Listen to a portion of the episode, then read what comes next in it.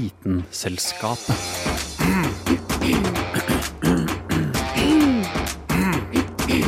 Vitenselskapet. Hei, hei, hoppsann, og hjertelig velkommen til eh, dagens utgave av Vitenselskapet, som også hender seg å være semesterets siste utgave av radioprogrammet Vitenselskapet. Og som seg så, passer med årets siste utgave, eller dette semesterets siste utgave, så skal vi snakke om ting som har en slutt. Og med, for å prate om det, så har jeg da altså fått med meg tre flotte eksemplarer av norske jenter. Nummer én sitter til venstre for meg og heter Kristin. Nummer to sitter rett ovenfor, overfor meg og heter Hanne. Og nummer tre sitter til høyre for meg og heter Sunniva. Så heng med når vi prater om slutt.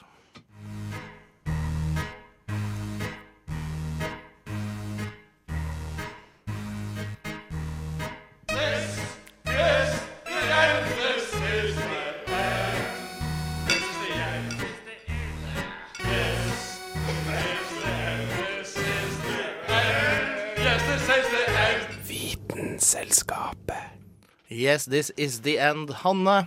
This is the end. Eller er det det? Eh, ja. Um, dette Det nærmer seg kanskje slutten på sjokoladeproduksjon.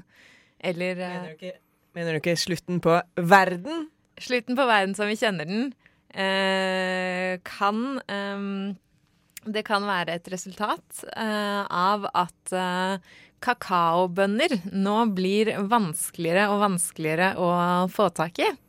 De siste 15 årene så har nemlig prisen på kakaobønner i verden steget eh, Kanskje ikke jev, eller jevnt og trutt. Steget i bølger. Eh, så nå er det ganske dyrt å kjøpe et tonn med kakaobønner. Men kommer det faktisk til å ta slutt?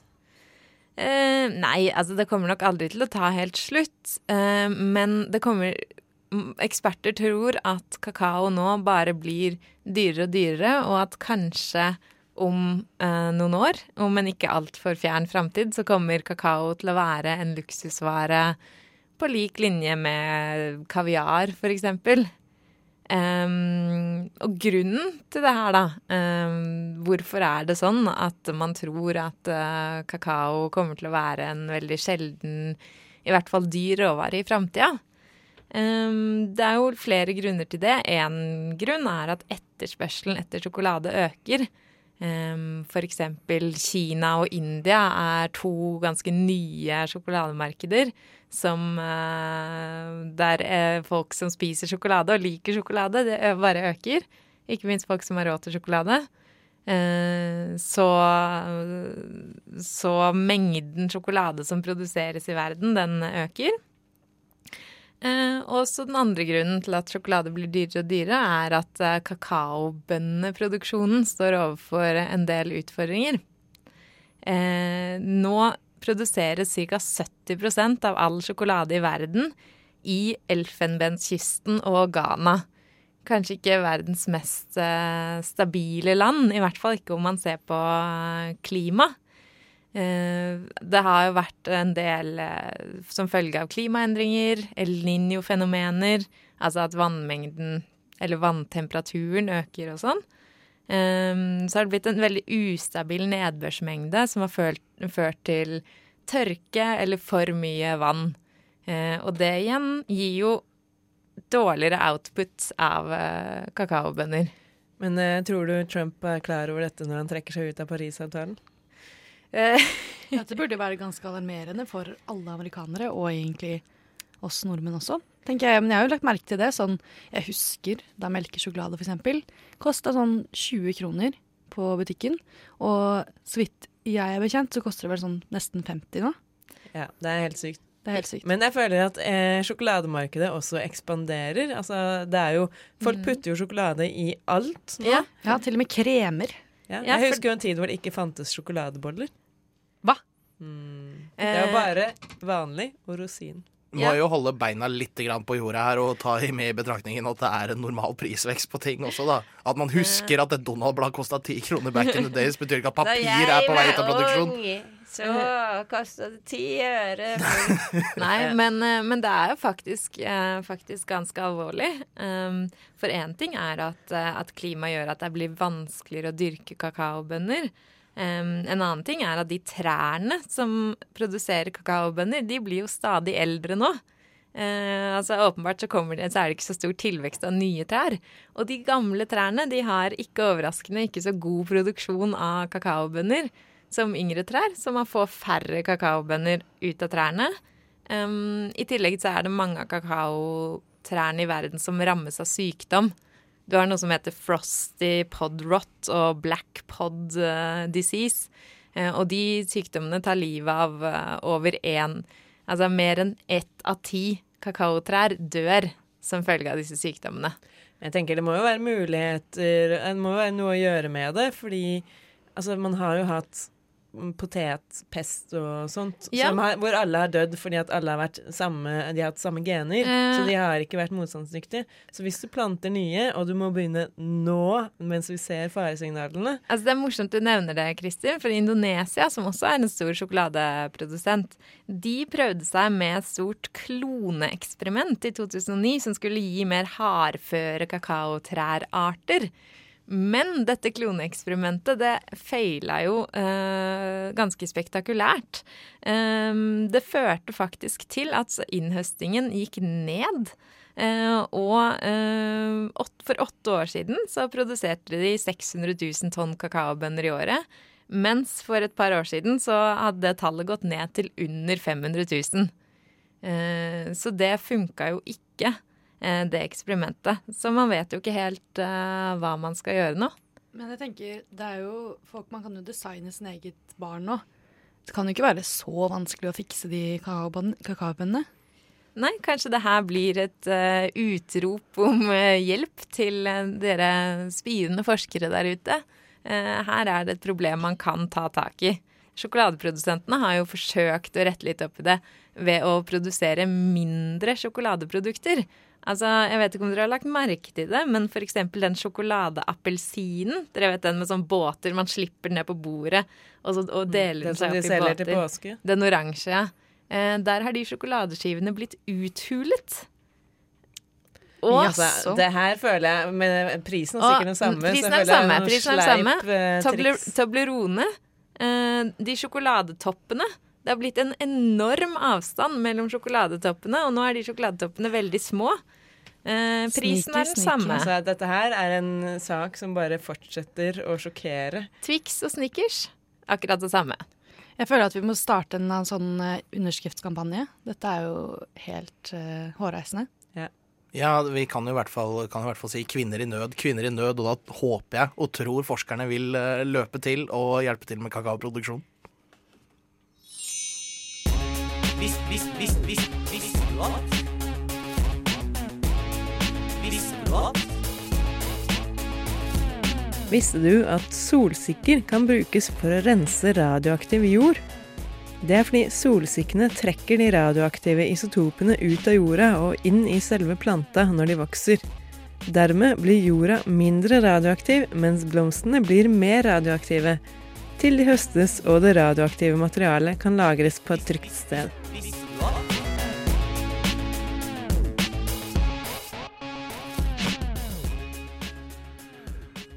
Ja, en fremtid uten sjokolade. Eh, det slo meg på en måte litt i den lille pausa vi hadde her nå.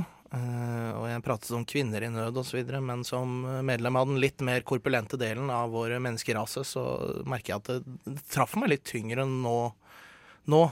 Men da håper jeg Det er jo samtidig så frykter jeg litt grann også, for vi skal prate om slutt i dag. Og derfor er det kanskje ikke så oppløftende det du skal komme med heller, Sunniva? Nei, eh, noe som virkelig handler om slutt, med en stor S, er jo nettopp døden. Og rett og slett. Eh, det er kanskje litt trist å snakke om, men eh, hva er det som Altså, jeg har lurt på litt sånn Man, man ser jo på CSI og alle de seriene døde mennesker, men hvordan, hva er det som egentlig skjer, da? Hvordan er det man forråtner og sånne ting? så jeg har prøvd å lese meg litt opp på det. Uh, og det er jo sånn at de fleste dør hjemme, som f.eks. hvis de ser på TV eller bare når de sover. Og så blir de jo funnet av familie eller hjemmetjenesten eller noe sånt ganske kjapt. I løpet av et par timer ofte. Men dessverre så er det jo ikke alltid sånn. F.eks. folk som ikke har så mye kontakt med venner eller familie eller noe sånt. De kan jo plutselig bli liggende i, ukes, i ukevis. Uh, og kan, da kan det være litt vanskelig å finne ut av når de faktisk døde, da. Selv om det ikke nødvendigvis var, en, var, en, var noe som, kriminelt som skjedde, så er det på en måte veldig viktig å i hvert fall finne ut sånn cirka når noen døde, da. Uh, og det første synlige tegnet på at noen er død, er jo de såkalte likflekkene, da. Som begynner å oppstå faktisk bare en halvtime etter at døden har inntrådt, da. Hva er en likflekk? Uh, en likflekk er rett og slett sånne røde merker som uh, er ganske sånn De oppstår fordi hjertet har stoppa, da. Og da vil tyngdekraften trekke blodet nedover, og det gjør at det kommer oppstår sånne store blodansamlinger, da. Eh, men i de første timene så vil disse likfrektene blekne ganske fort hvis man trykker på dem eller noe sånt. Er det på en måte bobler av blod, da? Ja, på en måte du ser det ser ut som masse blåmerker, egentlig. på en måte. Røde blåmerker, da. Eh, men hvis liket har ligget sånn i samme posisjon over lengre tid, da, i flere dager, det var egentlig bare et par dager, så vil de røde blodlegemene begynne å briste. Slik at eh, blodets sånn hemoglobin, da, som er blodets røde fargestoff, trekker inn i fettvevet, og det fikserer dem for en liten stund. Men eh, blir personen funnet da, så vil rettsmedisinerne kunne liksom, se om likflekkene er på den andre siden av kroppen når man vender den med ryggen. Og hvis ikke det er det, så er det en tegn på at liket vil flyttet, da, for det pleier å på en måte senke ned mot undersiden av kroppen, da, som dere sikkert har sett på CSI. Um, men um, så er det jo sånn etter hvert at uh, det er noe som kalles dødsstivhet, at kroppen blir helt sånn stiv. Og det høres kanskje litt morbid ut, men uh, uh, det er faktisk sånn at den døde blir så stiv at du kan stille den opp mot en vegg, og den vil fortsatt stå i helt samme posisjon, da. For en viss tid, dette er ikke så veldig lenge. Um, og, men det er bare, det er bare sånn snakk om to til tre timer senere etter at noen har dødd, så vil disse sånn kjemiske prosesser da, få alle disse musklene til å stive etter hvert. Og det starter faktisk alltid ansik alt i ansiktet. Først så låser den fast kjeven, slik at du kan faktisk ikke åpne den. sånn, Du må faktisk brekke den opp, da, og det er veldig vanskelig. Eh, og i løpet av neste timene så ruller liksom dødsdøden ned mot kroppen og låser faktisk musklene én etter én. Eh, og etter omtrent ti timer så er den helt stiv. Er kroppen helt stiv, da. Eh, men så er det jo også sånn at eh, Jeg vet ikke om dere har sett det noen gang. På at eh, etter hvert som kroppen begynner å råtne, så begynner også immunforsvaret å streike, da. Jeg har ikke sett så mange mennesker som begynte å råtne, egentlig. Har ikke du sett alle episodene av Criminal Minds som noen gang blir sendt? Jo, men jeg føler på TV, det blir jo på en måte noe annet. Ja, det er sant. Men det er jo sånn at etter hvert så begynner det å råtne, det begynner å lukte, ikke sant, og sånne ting. Eh, og det er fordi immunforsvaret angriper, de angriper jo alltid bakterier og slike ting som passer på at, ikke, at kroppen holder seg oppe, men etter hvert som det begynner å streike, så er det ikke noe som kan holde bakterien tilbake, da. Og ting som sånn, ja, virus og sånne ting, det bare trenger inn i kroppen. Og sprer seg via, via blodbanen da, til resten av kroppen. Og eh, jeg vet ikke om det har litt merkelig at ofte så er lik blir ganske grønne eller gule da, i huden. Og det har jeg alltid lurt på, sånn, hva, hva kommer det av, liksom? Og det er faktisk eh, fordi at eh, det er faktisk avføringen til bakteriene. Så rett og slett, kroppen blir helt gul av avføring, fordi selvfølgelig når den har tatt i næring, så må den jo også slippe ut eh, greier. Og så etter hvert så um, blir, eh, begynner kroppen å forfalle skikkelig, da. Så etter noen få dager blir huden helt løs og sånn por porøs, liksom. Slik at den bare kan, hvis du tar på den, så kan den bare sånn falle fra hverandre. Ja, de beste Eh. funfactsene får dere her på Vitenskap. Ja, absolutt. Så hvis du skulle komme over en død person, så er det veldig kjekt å vite, da. Eh, og det begynner væske begynner å piple ut fra lagene, og cellene begynner liksom å løse seg opp. Og, og så begynner liksom Jeg vet ikke om dere merket Eller dere har selvfølgelig ikke sett Jeg regner med at dere kanskje ikke har sett så mange lik, hvis ikke så hadde jeg blitt litt bekymra. Men eh, etter hvert så blåser magen seg veldig opp og sånne ting. Og det er også fordi at Rett og slett fordi at eh, bakteriene ja, igjen slipper ut metan og karbondioksid og sånne ting. Og hydrogensulfin, da, som det heter. Er litt sånn, som, for det finnes jo sånne hvaler på eh, stranda. Ja, som sprenger, ja. Det er nettopp Eh, pga. ja. det. Men det er jo fint å vite at når vi dør, så gir vi liv til, eh, Bakterier? til bakterier. Eller i hvert fall nytt liv, da. Ja, ikke sant? Og det er jo sånn også etter hvert så vil jo kroppen bli Altså etter hvert som eh, kroppen råtner, og etter hvert som bakteriene spiser opp mer og mer av kroppen, så vil jo også man etter hvert bli bare mer og mer til et skjelett, da. Eh, men så er det også noen ganger at, eh, at man blir mumifisert. Sånn ikke nødvendigvis bare fordi man blir mumifisert slik som mumier. Man blir ikke mum jo, man blir jo mumie, da, men eh, man blir, det er ikke sånn som eh, de gjorde i Egypt. Man blir ikke balsamert. Man blir ikke balsamert, nettopp. Men eh, etter hvert så er det fordi bakteriene trenger veldig mye væske ikke sant? for å holde, holde prosessene sine og gående. Og, eh, men hvis det på en måte kommer luft inn i rommet, og du har f.eks. en blottet arm ut av Hvis du eksempel har sovnet da, og dødd, men hvis du har eksempel en arm ut av dyna, så kan det begynne å tørke ut. da. Eh, slik at bakteriene, fordi Da kommer ikke bakteriene like mye til. Og så hvis det, kroppen faktisk tørker helt, da, det som ikke skjer så ofte, fordi med mindre du, kroppen ligger ute og har veldig mye luft eh, på seg, så vil på en måte, faktisk bare forråtnelsesprosessen stoppe, da, fordi det er for tørt til at den kan fortsette. Ok, Eh, så det man bør gjøre hvis du tror du skal dø, legg deg eh, helt naken uten noe dyne på, og vinduene åpne. Kanskje helt oppe på et tre og bare feste deg, slik at du bare får masse vind, og kanskje oppå en fjelltopp. Men ikke Ja. på et tre, da, nødvendigvis, men på en tørr. En tørr Det går an. Og på loftet, for eksempel. Tørkeloft. Ja, for eksempel. Men dette skjer veldig sjeldent, da. Eh, men det tar faktisk bare ca. et år før en kropp blir helt et skjelett, da. Fordi bakteriene de arbeider raskere, da, eh, enn kroppen tørker. Så hvis forråtnelsen først har oppstått når bakteriene ikke har noe mer å tære på, så blir like helt fullstendig avplukket, og så blir det til skjelett. Men det tar faktisk ikke bare et år til 15 måneder, da. En veldig morbid slutt der, da. Men, Ja, rett og slett. Så da, etter et år til 15 måneder, så er det ingenting igjen, nei. Nei, da får jeg takke, takke for at du prøvde å cheere meg opp, Sunniva. Det var, eh, Bare hyggelig. det var et godt forsøk. There's hydrogen and helium, then lithium, beryllium, boron, carbon everywhere, nitrogen all through the air with oxygen so you can breathe. Du hører på Vitenselskapet på Radio Nova.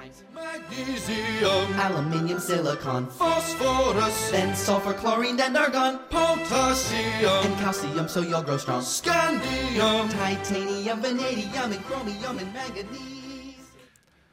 Ja, da fortsetter vi mitt uh, store forsøk, Dag Magnussen her, på å bli litt cheered up. Nå har jeg nettopp fått lære hva som skjer med et lik når det råtner, og at kakaobønner er på vei ut.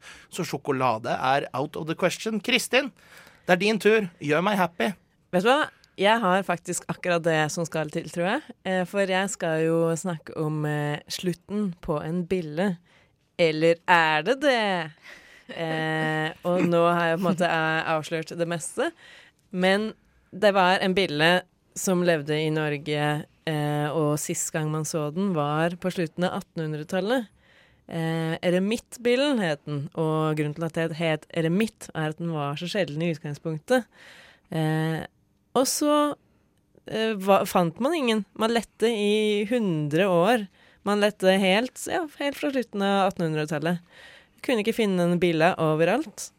Helt til en fyr i Tønsberg Han eh, var på gravplassen i Tønsberg og tok bilder av eh, grunner som jeg ikke skal komme inn på akkurat nå. Eh, det var ikke noe suspekt. Men i hvert fall, eh, han tok bilder. Og da så han en sånn rar, stor, svart bille. Eh, og så tok han bilde av den, og så sendte han den til eksperter, og de bare lo han, fordi eh, de trodde han hadde tatt bilde i utlandet eller et annet sted. For det viste seg da å være eremittbillen. Og den bodde på den gravplassen i Tønsberg, fordi der var det en eh, allé av ask. Og de, den askealleen hadde blitt skada for sånn 80 år siden fordi den var så nære jernbanen. Så det var noen som hadde klippa den skikkelig til for å liksom holde den unna jernbanen, da, tror jeg. Og da hadde de skada den, så den hadde begynt å bli liksom råtten og hullete inni. Og det er perfekt for en eremittbille, eh, eller en eremittbillekoloni. For eremittbiller, de er nesten bare larver. De lever nesten hele livet sitt som larver. Litt sånn store larver, omtrent like lang som en finger. Ligger inni eh, hule trær. Og der er den larve i sånn tre-fire år. Og så blir den til bille, og det er den i to til fire uker. Og så dør den. Ja, så det er på en måte livet til en eremittbille, da.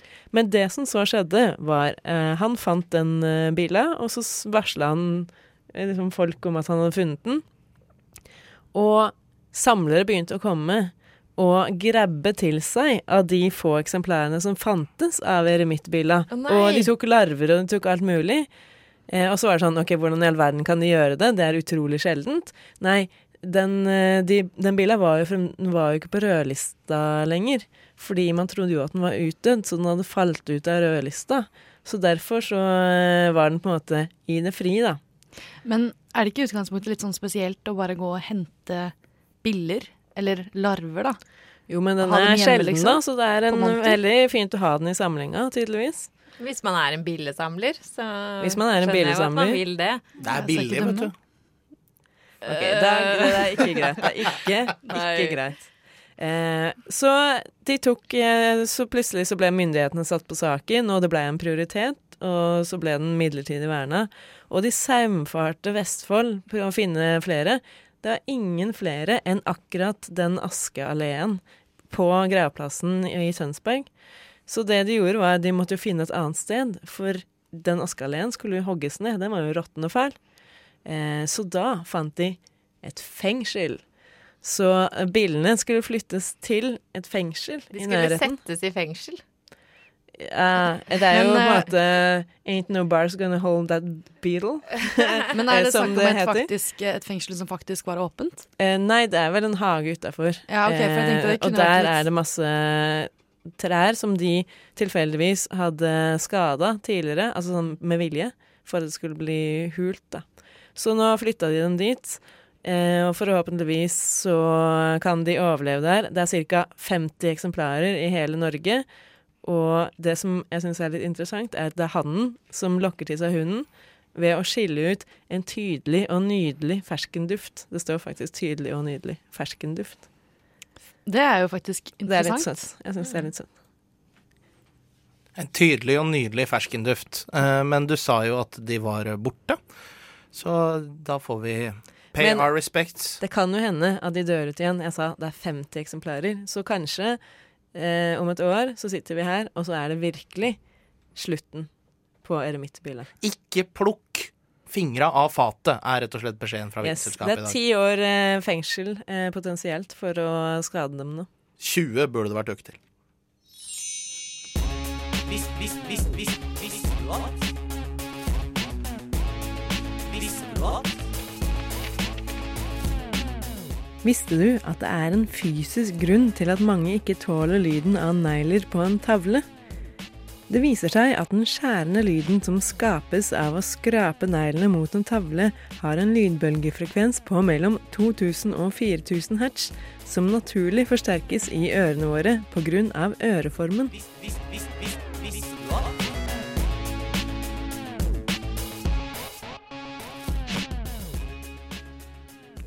Ja, det er jo dagens, eh, dagens tema som jeg har vært inn på mange ganger. Jeg har blitt deprimert flere, flere, flere ganger.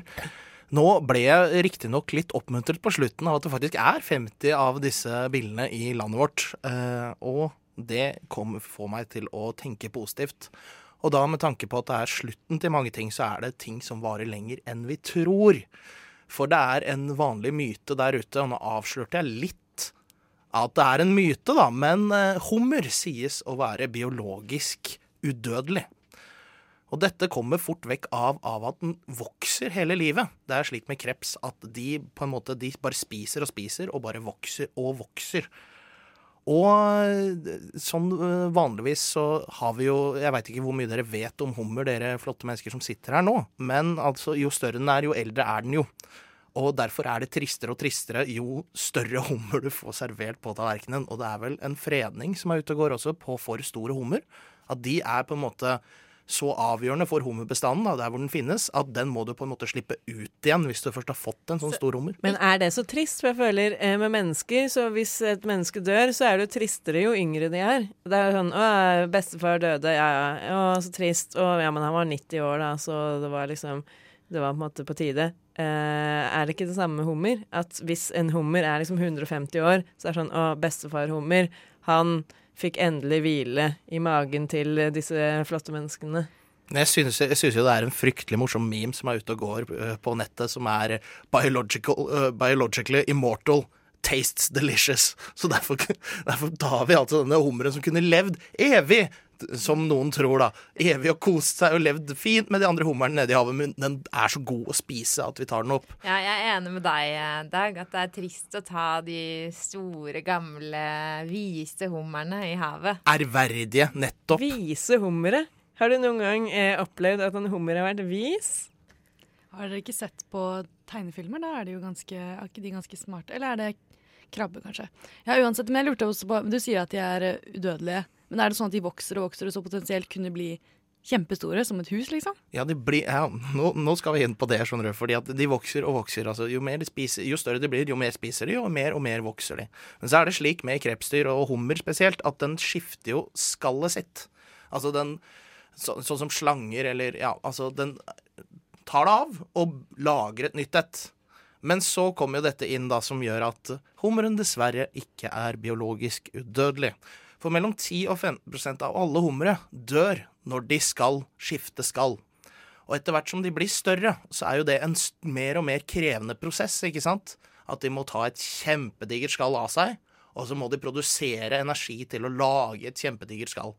Så mot slutten av livet til en hummer, så vil den altså enten velge å ikke lage et nytt skall, hvorpå dette skallet dens råtner og dreper denne stakkars hummeren inni der. Eller så vil den prøve å lage nytt skall, men han kommer seg ikke ut av det gamle skallet sitt. Så han blir sittende fast, prøve å kravle seg ut, og så, og så dør den, da, for den får jo ikke tak i noe da heller. Altså, jeg syns eh, å bli spist av mennesker høres jo ut som en barmhjertig død. Ja, Det her er jo helt jævlig. Ja, men samtidig, da, så er det jo eh, Hummer og krabber og sånn, dere veit jo hvordan vi tilbereder dem. Altså, det er Ja. diskusjon på om de blir umiddelbart svimslått, eller om den pipelyden du hører når du slipper dem oppi, er, er skrikinga til krabber og humre. Jo, jo, men hva med den stille skrikinga som eh, skjer når du er fanga inn i din egen råtne hud? Ja, hva med kvalt eller Ja. liksom kokt Men levende? kanskje vi skal utvikle en teknologi som gjør at vi kan finne humre akkurat i det øyeblikket hvor de er i ferd med å kvele seg i sitt eget skall, og så kan vi på en måte barmhjertighetsdrepe dem. God idé. Men da, det bringer meg litt over på et annet dyr vi spi har spist før i tiden. Vi spiser ikke så mye nå. Vi skal til grønlandshvalen. For man trodde lenge at den ble sånn 50-60 år gammel. Helt til man dro opp en hval i Alaska. Som viste seg å ha en harpun med eksplosiver på som ikke hadde gått av. Lodja inn i nakkefettet sitt. Og når de kikket nærmere på denne harpunen, så viste det seg at den var produsert i 1890. Så den har altså svømt rundt i 117 år med en harpun i nakken som ikke har gått av. Så den fikk vi da til slutt drept, da, men da hjalp den oss til å finne ut at dette dyret, det lever veldig lenge. Men det lengstlevende dyret, det er glassvampen. Og da vil jeg bare at dere skal gjette hvor lenge den lever. Eh, Um, men altså det, jeg regner med at det er 100, flere hundre år. OK. 200. Ja. Jeg sier 800. Jeg sier 350. Eldste eksemplaret som er funnet, som man har gjort vitenskapelig forsøk på, var 11 000 år gammelt. Den har altså vært der nede og kost seg i Sør-Kina-havet i 11 000 år. Og grunnen til at man da skulle teste den, var at hvordan var vanntemperaturen før i tiden? For den hadde jo vann inni seg, ikke sant? Men det jeg syns var det mest sjarmerende med denne glassvampen, det er at det er en art av reke som finner ut at her inni svampen her, så er det trygt og fint å være. Og så svømmer han inn, og så er han der. Men så vokser han inn der, får seg mat og sånn, og så kommer han ikke ut igjen. og så Altså, føder han ungene sine inni svampen. og så lever de inni den. Ja, Så den og så stirrer de ut på det store havet og kommer seg aldri ut igjen. Altså, eh, glassvampen høres jo ut som et Det høres ikke ut som et ekte dyr. Det er jo ikke et, et liksom sånn dyr som du tenker Å, Det er jo en fascinerende at den er blitt så gammel, men det er jo en svamp. Den lever Ja. jo nesten ikke. Ja, det det, Vi Vi får rett og slett avslutte med å si glassvampen, havets fengselsvokter i 17 000 år.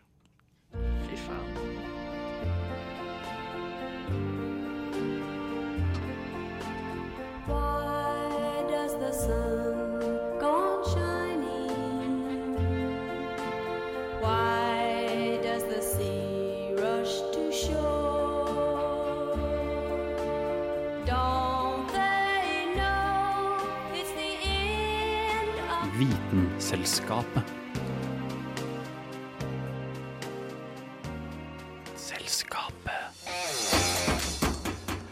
Ja, It's the end of Vitenselskapet. Jeg vil gjerne rette en takk til Lise Eide Risanger, Dag August Schmedling Dramer, Carl Adam Skvam, Johanne Furuseth, Kristin Grylland som var her i dag, Hanne Grylland som var her i dag, Sunniva Sol Sandnes Blikk som var her i dag, Ida Katrine Vassbotn og meg selv, Dag Løvold Magnussen, som var deres programleder. Tusen takk for sesongen. Vi er tilbake i august. Inntil da, finn oss på internett og hør flere episoder. Ha det bra.